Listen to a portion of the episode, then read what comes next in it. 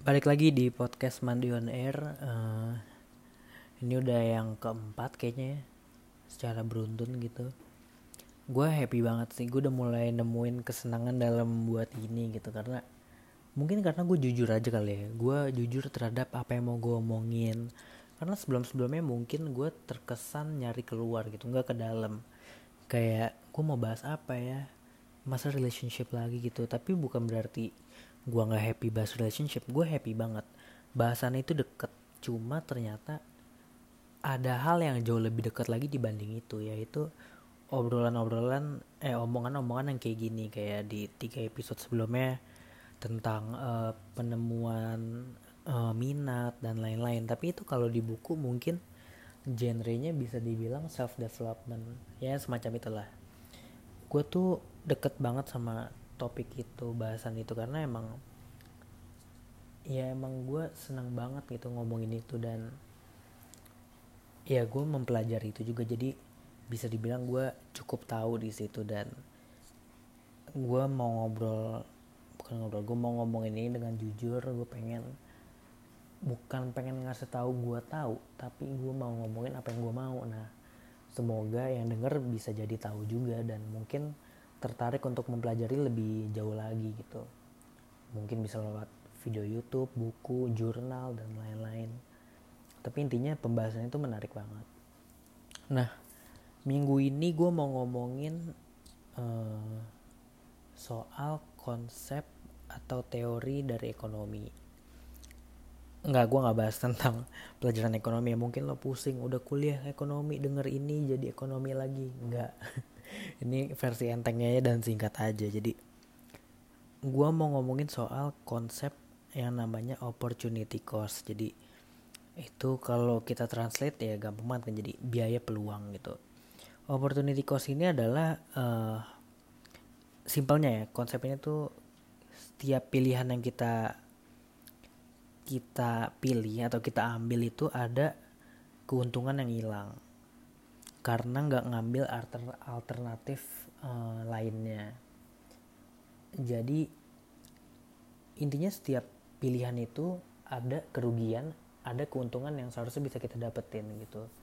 Jadi nggak semerta-merta opportunity cost ini membahas soal keuntungan tapi ada kerugian juga yang bisa kita dapetin gitu.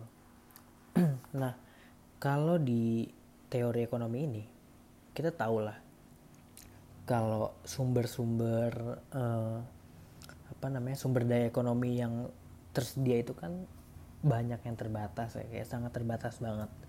Nah jadi hal itu yang memaksa kita itu melakukan pilihan dalam kehidupan gitu. Pilihan yang dibuat itu akan mengakibatkan pengorbanan pada pilihan yang lainnya gitu. Dalam arti uh, alternatif lain gitu. Dan opportunity cost ini akan menjadi alat ukur untuk menentukan berapa biaya produksi yang akan dikeluarkan. Nah ini kalau di ekonomi, tapi kan kita nggak mau bahas itunya, kita mau bahas tentang yang deket-deket aja sama kita. Kayak misalnya kalau kita ngabisin waktu uh, 7 jam gitu nongkrong sama teman-teman terus uh, ya dan itu lo lakuin setiap minggu gitu kan. Eh itu kan ada 7 jam dalam seminggu atau apa ya?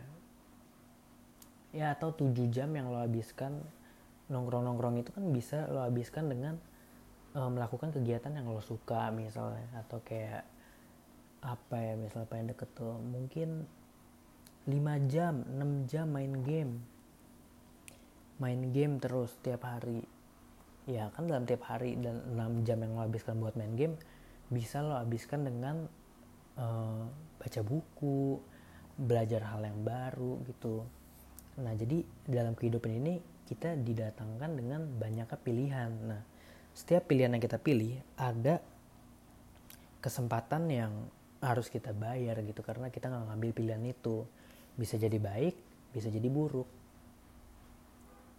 Ya intinya hidup itu kan soal pilihan. Nah teori ini tuh bagus banget itu untuk kita jadi lebih mikir-mikir lebih dalam tentang mengambil sebuah keputusan lalu harusnya dengan kita menggunakan konsep ini pilihan-pilihan yang kita ambil jadi lebih uh, efektif gitu.